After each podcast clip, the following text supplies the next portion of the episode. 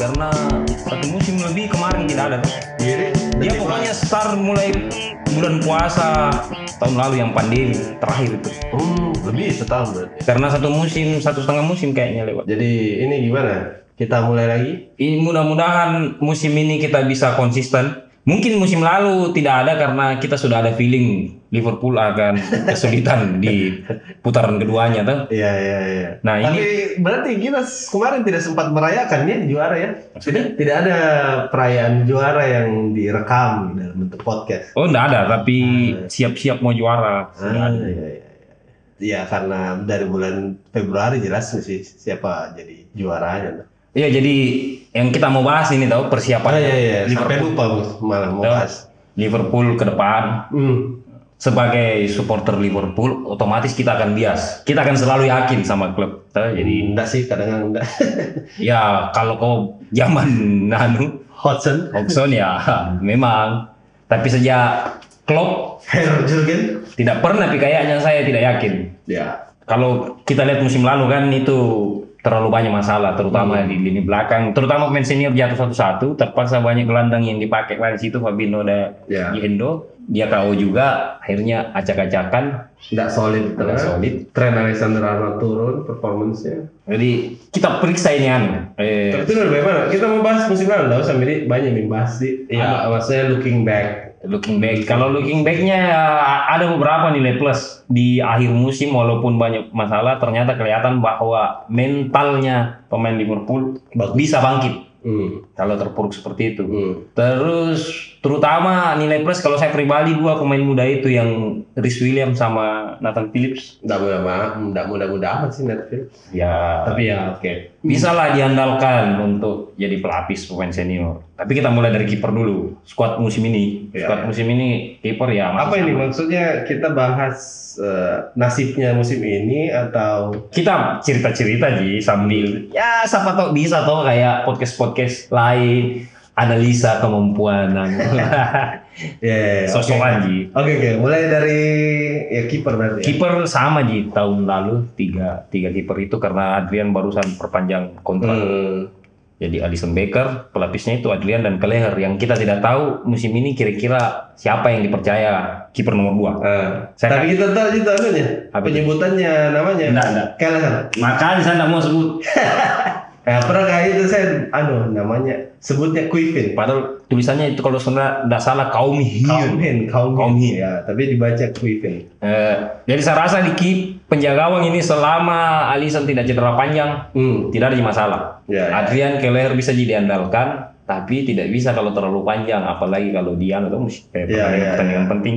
Karena Alisson ini menurut saya itu kiper kiper anu ki, kiper modern. Dia bukan hanya shot stopper, Ya, ya. dia bagus eh, build up play. Hmm. eh, Tapi ngomong Commenting goalkeeper juga. Alisson itu dia punya cerita yang luar biasa ya sebenarnya musim lalu ya. Yang dia mana? kehilangan bapaknya yang uh, jadi tahu, di- benar-benar. yang jadi sosok yang penting sekali dalam hidupnya dia. Terus meninggalnya bapaknya juga luar biasa Baru tidak bisa dia Di. aneh, luar biasa apa ya? Nggak bisa dia pulang waktu itu, biasa gitu. Nggak bisa pulang di. Nggak bisa. Wih, Dia tidak bisa. Nah itu juga. Ah, Dia juga kan? Bisa kunjungi. Nah, Klopp, klub juga ibunya. Jadi banyak sekali memang hantaman musim lalu. Lalu. Tidak cuma secara Bukan cuma cedera. fisik cedera tapi juga mental. Banyak sekali cobaannya Jurgen Ah, Belum lagi tanpa Alisson. penonton kan. tanpa penonton. Yang sampai Bobby Firmino adalah seorang pemain yang sangat membutuhkan itu atmosfer. Dia ngaku sendiri kalau beda gitu kalau tidak ada supporter di Anfield. Tapi kayak kayaknya kucing nggak setuju sama kau tadi itu. Iya. Nggak tahu sih mungkin dia setuju mungkin dia tidak setuju. Eh Dan- kiper kiper. Kalau kiper kita sepertinya akan mengandalkan hanya dengan tiga orang itu karena tidak ada seri, tidak ada isu yang menghubungkan kiper dengan Liverpool. Iya. Tidak ada. Pemain muda pun yang masuk di Cestanuk ini cuma Jakub apa bacaan ini tuh Ojesinski. Saya melihat Hmm. Pemain muda, tapi ya Oh. belum belum belum lah. Saya mantap dengar itu. Yang saya tahu itu Kamil Grabara. Terus ada juga Dipinjamkan pemain- kayaknya kami berapa? Ada juga pemain yang di dari klubnya Alisson sebelumnya, yang di Brazil. Oh iya di Pitaluga mana itu? Ah, Pitaluga itu juga ada. Iya, iya. Dia main di junior semuanya. Nah, yang menarik itu karena kemarin Piala Eropa Hungaria ya yang dua kipernya Liverpool. Iya. Mantap. Dulu Ma eh, Gulaksi. Angka di Gulaksi dengan ah, lupa satunya. Bogdan. Adam Bogdan.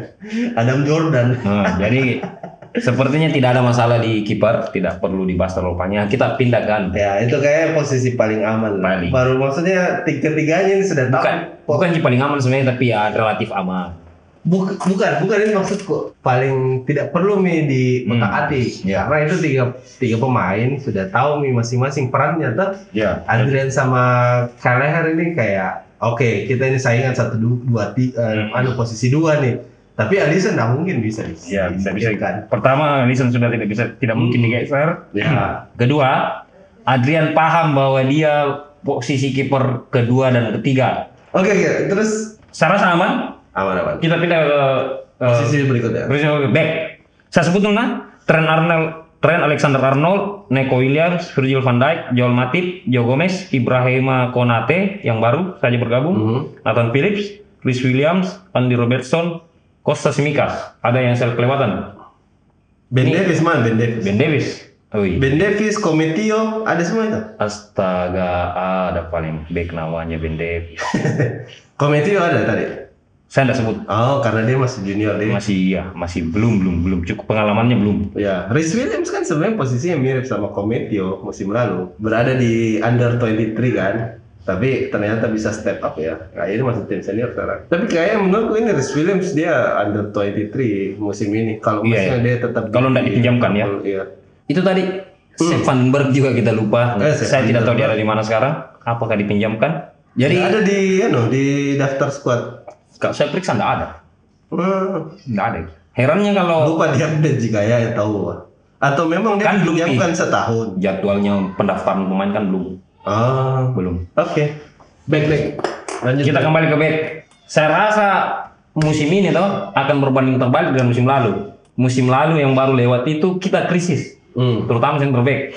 Musim ini dengan catatan tidak ada eh, center back senior yang cedera panjang, kita malah surplus. Setelah Konate bergabung kan banyak sekali pilihannya klub untuk center back. Ya, kalau saya sih selama Virgil, fit. selama dia fit, dia pasti pilihan pertama.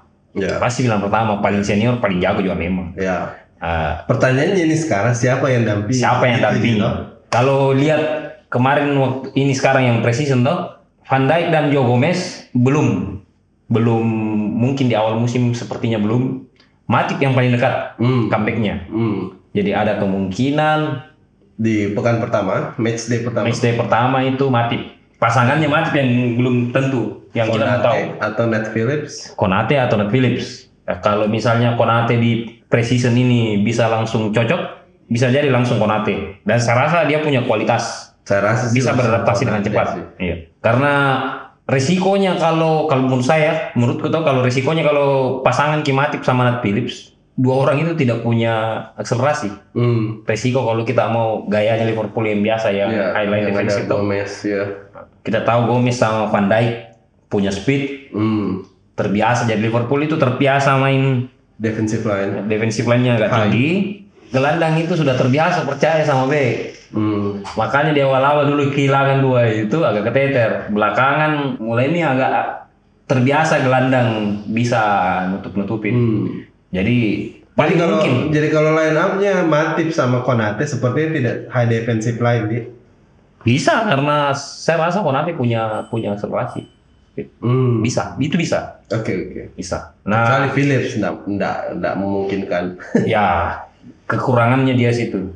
Iya. Ada kemarin banyak foto beredar yang Iya, Nathan iya. Phillips heading heading, ya, orang tulis Phillips doing Phillips thing. Tah? Iya. Terus ada yang posting tambah ini, kau lupa foto yang ini tuh. Hmm. Ada fotonya bola di anu Hmm. di tanah, Nah. dia heading juga. Saya kata semua lihat itu.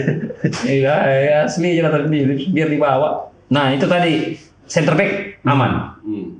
Nah ini yang saya selalu masalah itu dua posisi back sayap ini karena fix sekali itu dua orang. Nah. absen salah satunya tuh langsung ki berubah kayak pemainnya Liverpool. Hmm. Pasti berubah salah satunya absen. Nah, Kalau Robertson tidak terlalu masalah karena James Milner lumayan dilapisi. Hmm. Tapi dua posisi itu selama Joe Gomez fit tidak ada masalah. Iya. Karena dia bisa isi dua-duanya. Iya. Nah, yang masalah ini di Trent Arnold kalau Joe Gomez tidak fit. Hmm. Pelapisnya itu Neko Williams saya rasa untuk sekali-sekali main bisa. Tapi begini kacek, menurut te- ada enggak peluangnya ini ada kemungkinan enggak ini Liverpool mengadopsi formasi tiga back sejajar di belakang tiga yang yang populer sekali kemarin di Euro kan? Apalagi kan tadi kita bilang kalau backnya Tapi- kita ini banyak. Tapi ada misalnya baca beberapa anu memang Klopp itu benci sekali. Hmm, Tiga. kenapa beda? Mungkin Hmm. tidak. Tapi kan begini, itu memang secara di atas kertas formasinya Liverpool itu selalu 4-3-3. Tapi ketika menyerang, tiga back sejajar jadinya karena DM itu Fabinho atau Henderson, dia menjadi orang yang ada di tengah. Sementara si dia jadi tiga back sejajar gitu, secara role, secara role. Gitu. Saya justru kurang setuju. Karena kalau kita menyerang itu bukan dua tiga back sejajar. Dia jadi tiga gelandang sejajar defensif. Jadi Iya, tapi jadi kan karena dia posisi paling belakang, jadi dia back. Tapi perannya yang Fabinho atau siapa pun yang isi itu tuh tetap Hmm. jadi gelandang karena dia berputar tetap dia maju ke Hmm. depan. Kadang-kadang kalau dia maju, Gini atau Hendo yang isi Oh kembali iya, ke belakang. Jadi berarti enggak, enggak mungkin. dia hampir tidak mungkin. Maksudnya itu Fabinho, cuma Fabinho atau Henderson yang bisa lakukan itu ya. Bahkan Thiago pun agak keteteran. Nggak bisa. Jadi misalnya ada pemain back yang di posisi itu nggak mungkin kayak Van Dijk, anggaplah Van Dijk di situ. Saya rasa Matip di situ karena ada sempat saya pernah baca kalau Matip itu bisa di posisi DM waktu dulu di Schalke. iya sih bisa tapi Ya, kita lihat Liverpool pun memang selama klub kan tidak pernah pakai def- de- defensive midfielder murni. hmm. Dia mungkin cuma bisa disebut sebagai deep midfielder Iya, iya. karena dia tetap midfielder. iya eh, role-nya tetap berputar kan. Tidak ada yang fix main Iya, di posisi itu. Jadi saya rasa kalau dengar isunya saya belum pernah sih Pak dengar atau baca pernyataannya kalau betul-betul klub benci tiga center back saja. menarik sih kalau misalnya ternyata bisa, maksudnya ternyata ada eh, terjadi itu, Hmm, ada terjadi itu. Karena banyak yang eh, apa ada narasi berkembang kalau pakai tiga sejajar begitu Hmm. supaya tren bisa murni jadi gelandang Nah, kembali. nah itu maksudku kan Ya. tadi kita bahas back sayap tuh. Terus anggaplah Neko Williams itu buruk sekali dia bertahan. Hmm.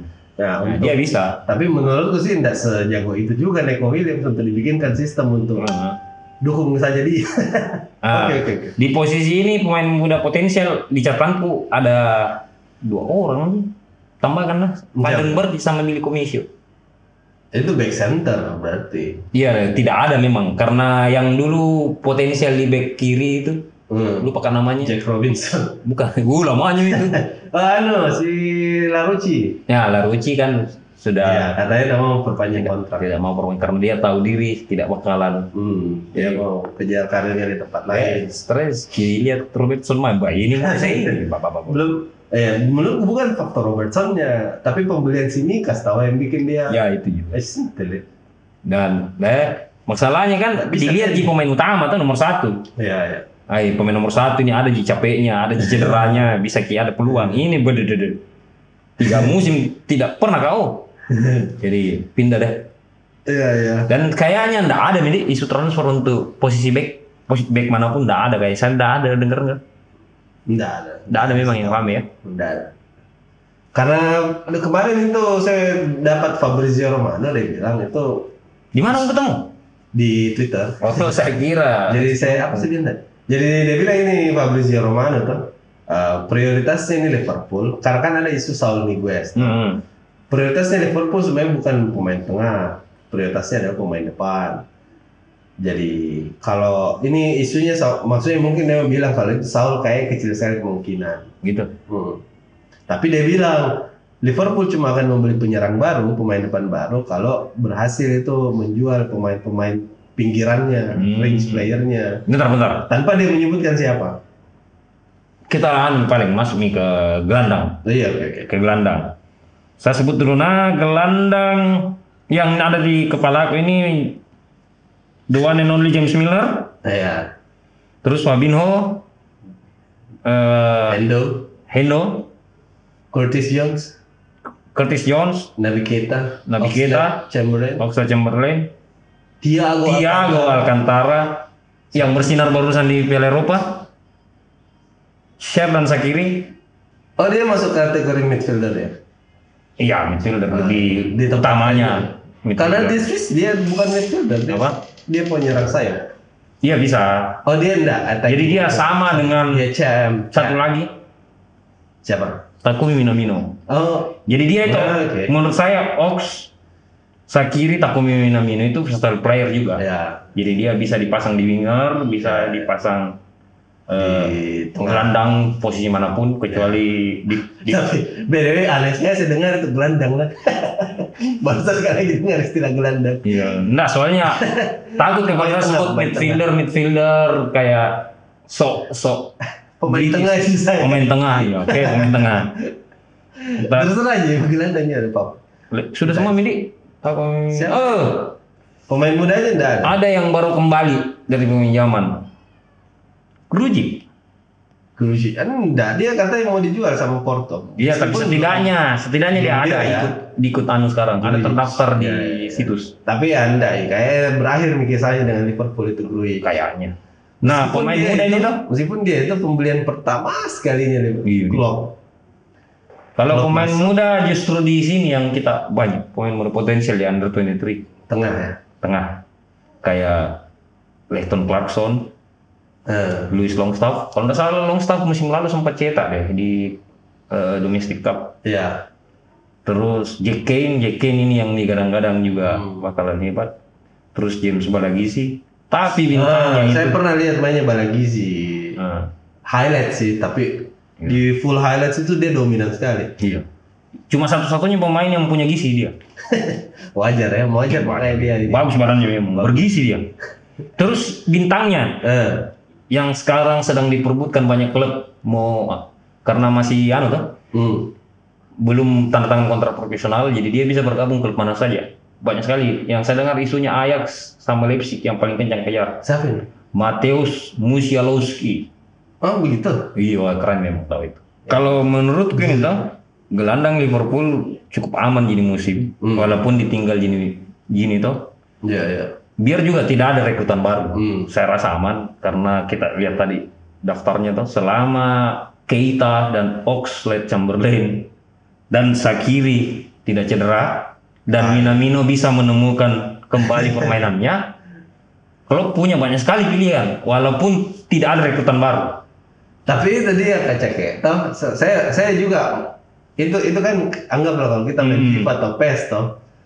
Itu itu keempat nama itu Hmm. di atas kertas keren banget. Iya, keren. Bagus sekali. Cuma masalahnya mereka berempat ini entah karena faktor mental, entah karena Iya. faktor fisik, cedera dan segala macam tidak pernah Kim menunjukkan pernah sam- format terbaik. iya tidak pernah dapat peak performance-nya iya betul Jadi yang di atas kertas itu kayak cemerlang gemilang sekali, tidak pernah kelihatan di lapangan. Iya. Kecuali Oxlade mungkin ya, tapi sebes waktu awal musim pertamanya kan.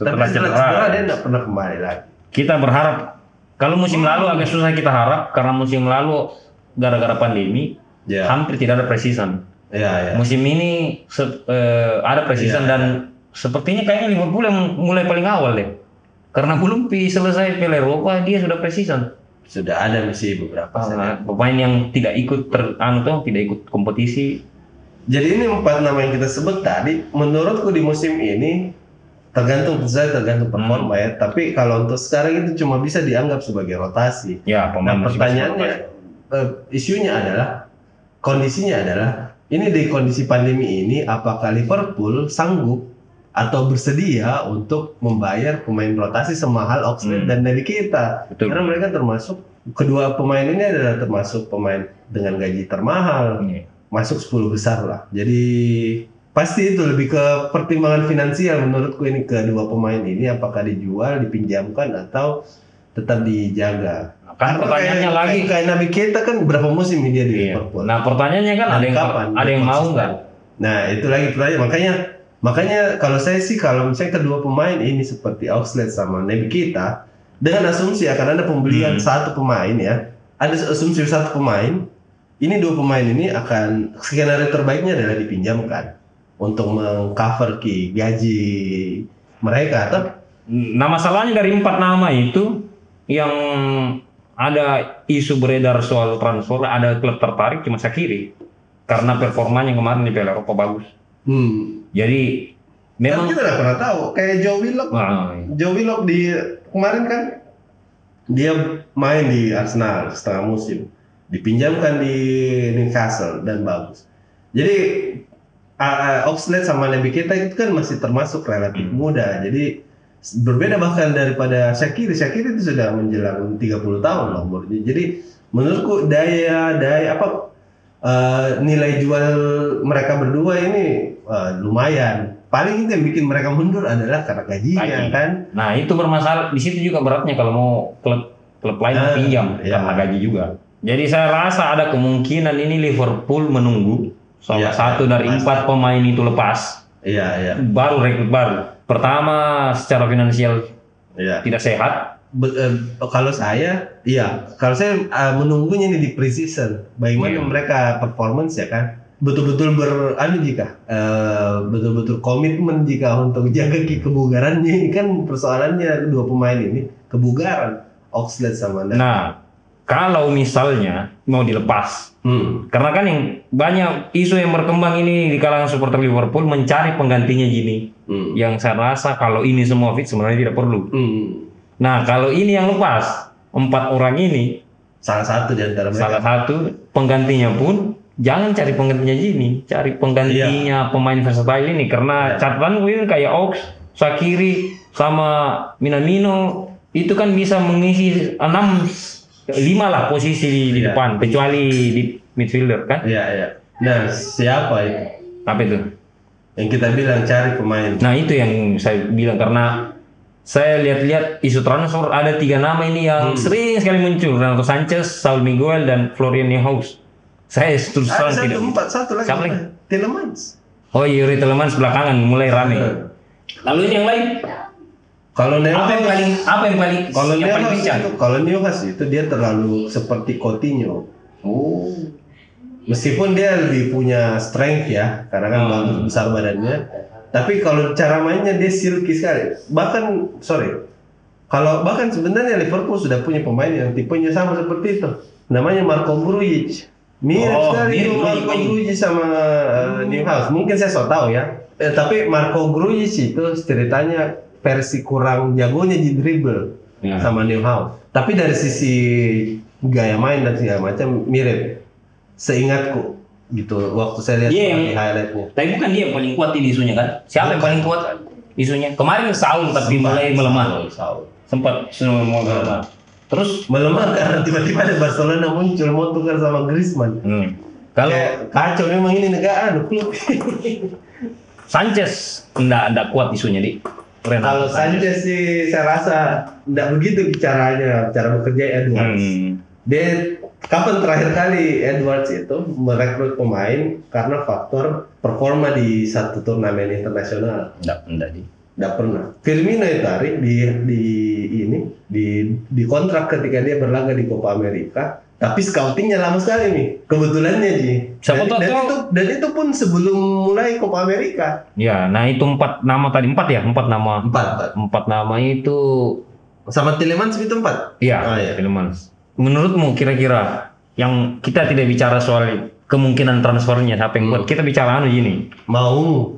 Mana yang cocok kira-kira? Dari empat itu mana yang kita secara pribadi masing-masing menganggap cocok yang kita mau? Hmm. Kalau saya jadi Klopp dan Edwards, Kalau saya, Sanchez, Saul Miguel, Florian Neuhaus, sama Yuri Tielemans. kalau saya mau saya Saul Niguel. Saul. Ni, ni, ni, Niguez atau Miguel? Saul Niguez, Niguez, Niguez. Menurutku itu yang paling cocok dalam Oke. konteks dia menggantikan Gini, tapi juga bisa bermain di posisi lain. Dia bisa juga kalau misalnya menggantikan Thiago kalau tidak ada, dia juga mungkin bisa ganti Henderson kalau tidak ada, kayak begitu. Jadi ya dia dia tidak bisa itu di posisinya Fabinho. Tapi Jadi kalau saya Saul, Saul, ya? menurutku. Hmm. Cuma ya peluangnya sih kecil se- semenjak muncul gitu Barcelona dengan tawaran konyol. ada alternatif lain selain Saul yang menurut Tadinya cocok? sih saya pikir Tielemans, cuma Tielemans itu terlalu ofensif sementara itu sistemnya Liverpool tidak tidak berpusat di tengah Hmm. serangan. Jadi sayang nanti jadi malah Weski Telemans kan. Bahkan Gini pun yang sangat produktif di timnas Ing Belanda itu ketika di Liverpool Hmm. dia betul-betul jadi pengangkut gentong gitu, Hmm. bukan pengangkut air, pengangkut gentong. Jadi Nah, persoalannya adalah jadi Telemans menurutku tidak cocok secara sistem. Meskipun saya sebenarnya eh, maunya mau juga kalau enggak nama no problem Nggak. tinggal Telemans. nggak cocok juga mau ambil pemain dari klub Liga Inggris. Mahal. Mahal.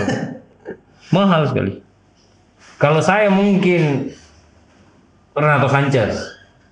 Karena saya ingat awal-awalnya muncul Renato Sanchez itu saya selalu suka pemain yang tinggi determinasinya. Hmm. Ya saya apa bermain cantik itu urusan ke-15. Fi- fight- fighting spirit itu nomor satu. Hmm. Karena itu yang kit- yang lepas barusan kan. Hmm. Gini yang selalu lari kejar ke mana-mana dan kita tahu Kalau begitu harusnya beli Calvin Phillips. apa Calvin Phillips. Calvin Phillips Tidak ada capeknya itu ya. Oke, itu Renato, Renato Sanchez. Tapi kalau Calvin Phillips kembali ke tadi poin tadi. Ya beli pemain muda Inggris. Renato Sanchez Tapi- berarti kita tapi intinya saya sih puas nih dengan yang ada. Biar juga ada tambahan nggak apa-apa. Saya. Ya, ya. tentu supporter Liverpool yang eh, apa namanya FSG out tidak setuju. Supporter yang tidak sabar. Iya anu. Yang kayak dia tidak melihat bahwa ini formasi dan squad ini sebenarnya tidak jelek. iya bukan sih soal kebutuhan mereka itu soal ya. ada uang belanjakan Ya. tidak tidak ada uang belanjakan juga Iya. karena ada pay letter. kan padahal duit itu kan bisa dipakai apa gitu Hmm, bangun betul, stadion apa Ini ini supporter yang modelnya tidak ada wanda.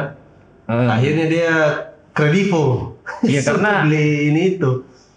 nggak bisa disalahkan juga karena anu tuh panas lihat kompetitor yang biru-biru itu Ya, Tapi kan maksudku, belanja belanja belanja Ini bukan cuma itu MU juga kan gila belanjanya cuma kan Dia kita baru harus bergabung. sadari bagaimana caranya nih klub dikelola keuangannya, Ya. bagaimana dijalankan. itu itu yang menurut Kita, saya kalau misalnya kita tekan. bandingkan sama Manchester Biru sama London Biru, tidak mungkin lah karena mereka itu tidak ada nomor serinya wanya Hmm. karena pandemi pun tidak ngefek musim lalu itu London Biru beli banyak sekali pemain dan Hmm. mahal-mahal. Kenapa? Karena itu alasannya dia bilang itu kalau musim lalu kita transfer ban jadi kita Hmm. punya banyak uang. Halah, dari tidak dulu juga begitu. Liverpool juga waktu kemarin juara Liga Champion dia beli pemain satu di Sepp Hmm. van den Berg. Dengan logika itu harusnya banyak tahun juga uangnya tapi beda. Hmm. tapi ya Liverpool itu dia cuma mau mengeluarkan uang setelah dia melihat dia memang betul-betul eh, mendapatkan pemasukan. tapi MU juga loh Jalan sanggup kan Sancho kemarin kan luar biasa dan masih mau belanja nah itu nilai- yang bikin nilai- tapi memang nilai komersilnya itu yang bikin besar. panas supporter Liverpool. Wih kita nggak belanja nih online. itu sih Ini, faktor ini. Aslinya ini ini sama anu apa tetangga beli kipas angin. iya faktor dia itu putar. faktor apa Jadi namanya enggak sih kalau saya sih menurutku kita seharusnya tidak begitu. iya Artinya kan saya setuju sama kita itu bahwa tidak ada pemain baru di tengah pun it's okay. Iya. Karena kita percaya kemampuannya Jurgen Klopp, Pep Linders itu dalam mengembangkan bakat pemain yang ada. iya karena Bagaimana mengembangkan potensi mereka di op- secara optimal.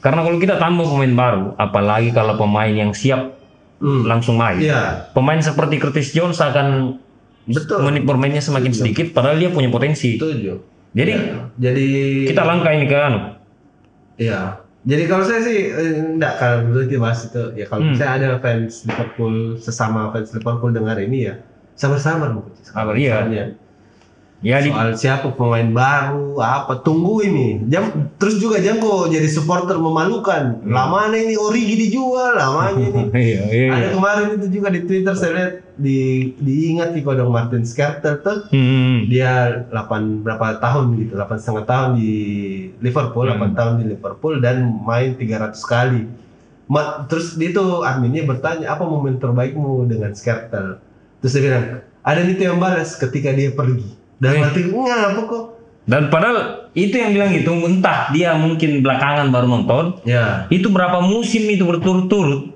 iya dia pemain terbaik Liverpool. Iya betul betul. Dia terpaksa eh, apa istilahnya? Padahal Ya pada era-era mediocre-nya kita. Iya. Jadi ya jadi kalau saya waktu itu Liverpool Skrtel jadi pemain terbaik ya wajar Tommy tapi jantung kok juga sampai kau benci. iya. saya salah satu pemain yang saya senang sih Saya juga. karena saya Eger Skrtel itu Ah. saya meskipun tidak meyakinkan tapi men- kesannya selalu kokoh. ya dua orang yang memang kalau main itu apa sih? No ini no no compromise. Iya. Dan memang mati-matian mau menang. Iya ya. Cuman ya nasib. Oke. lanjut. Nasibnya saya agak sial karena kalau Skeletal itu karena sering bunuh diri itu. Jadi banyak yang ini. Skrtel Karagar. Eger juga yang tidak pernah bunuh diri kayaknya backnya Liverpool di era itu. Lupa yang jelas kalau soal kecintaan pada klub dua orang itu Skeletal dan Neger tidak bisa diragukan. Pindah Miki balik Ah. ke pemain depan. Nah, menurut saya trio Firmansyah ini Hmm.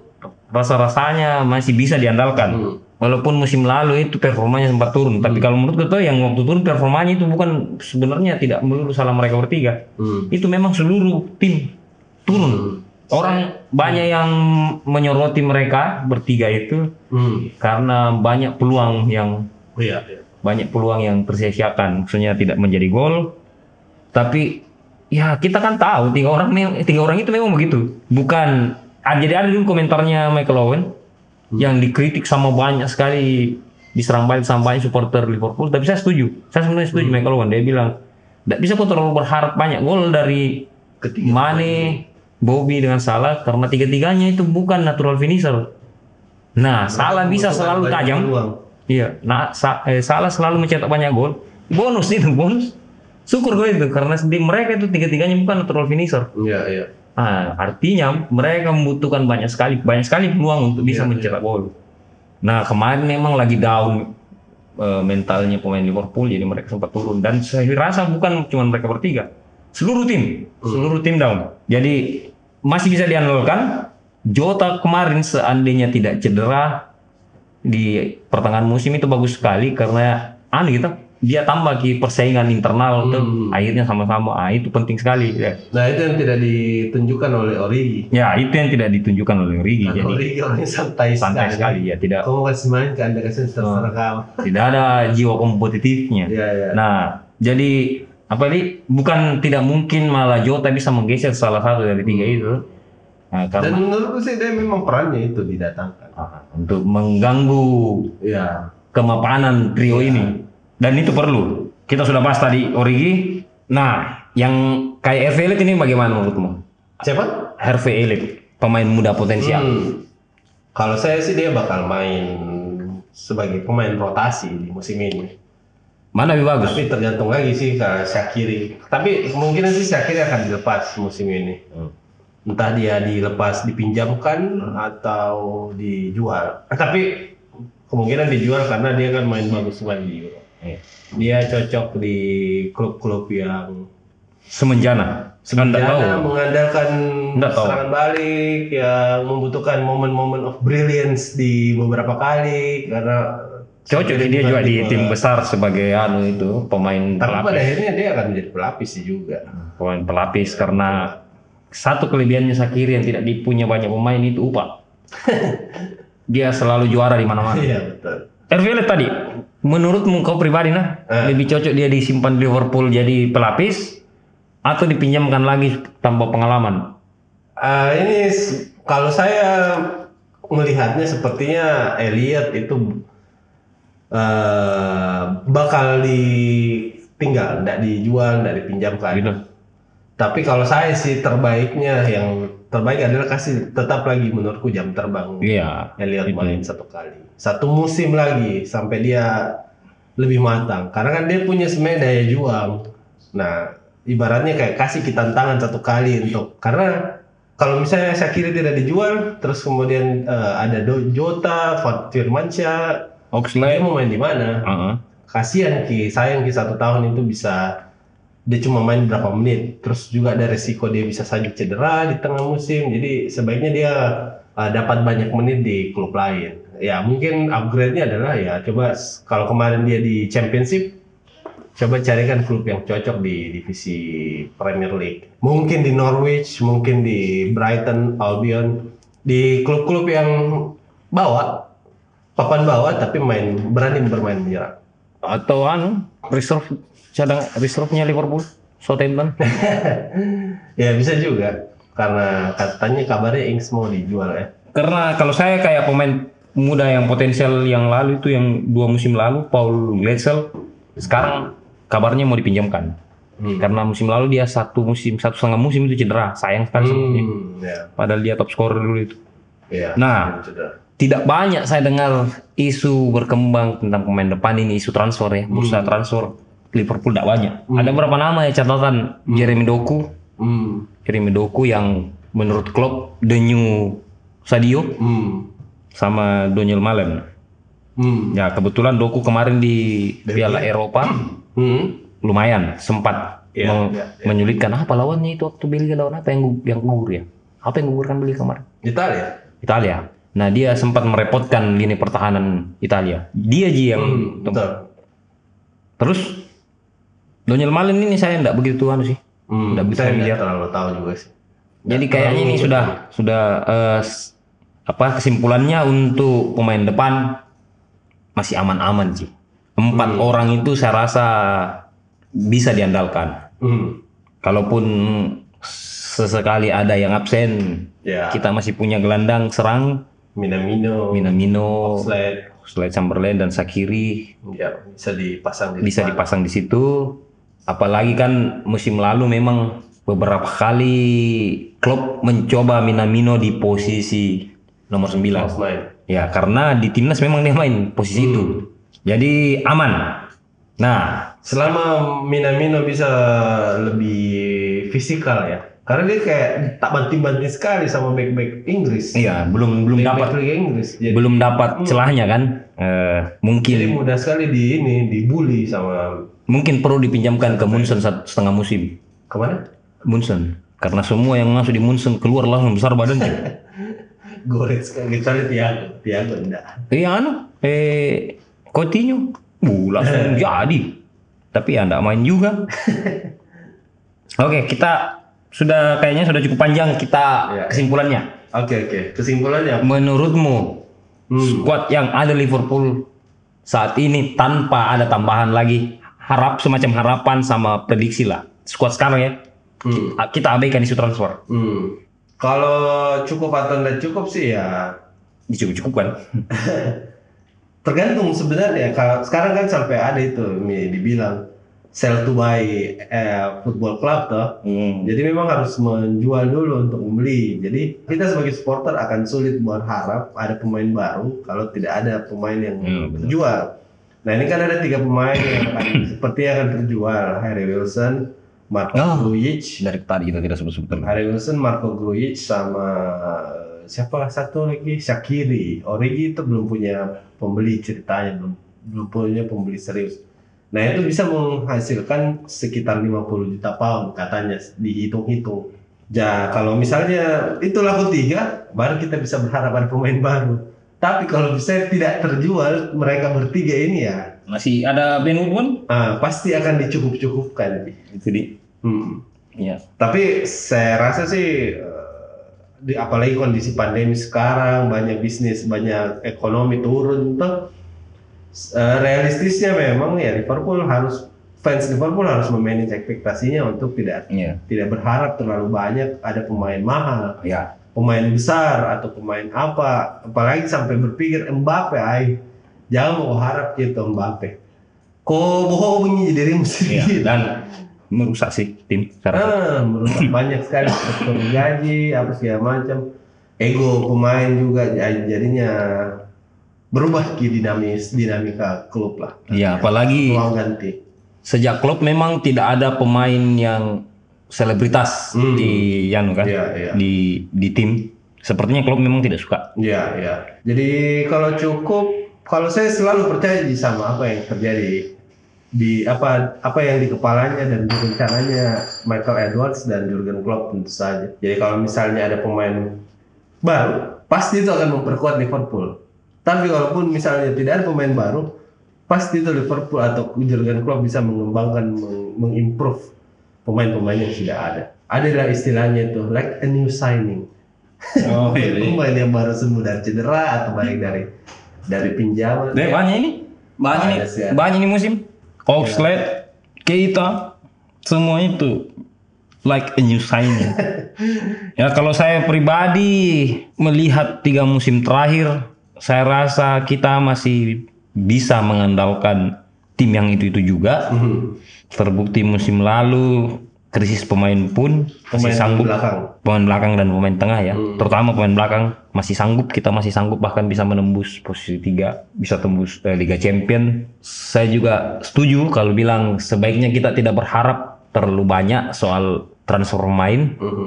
tapi kita bisa berharap banyak soal prestasi Ya, ya, ya. setuju saya setuju. oke Prestasi apa? Trofi.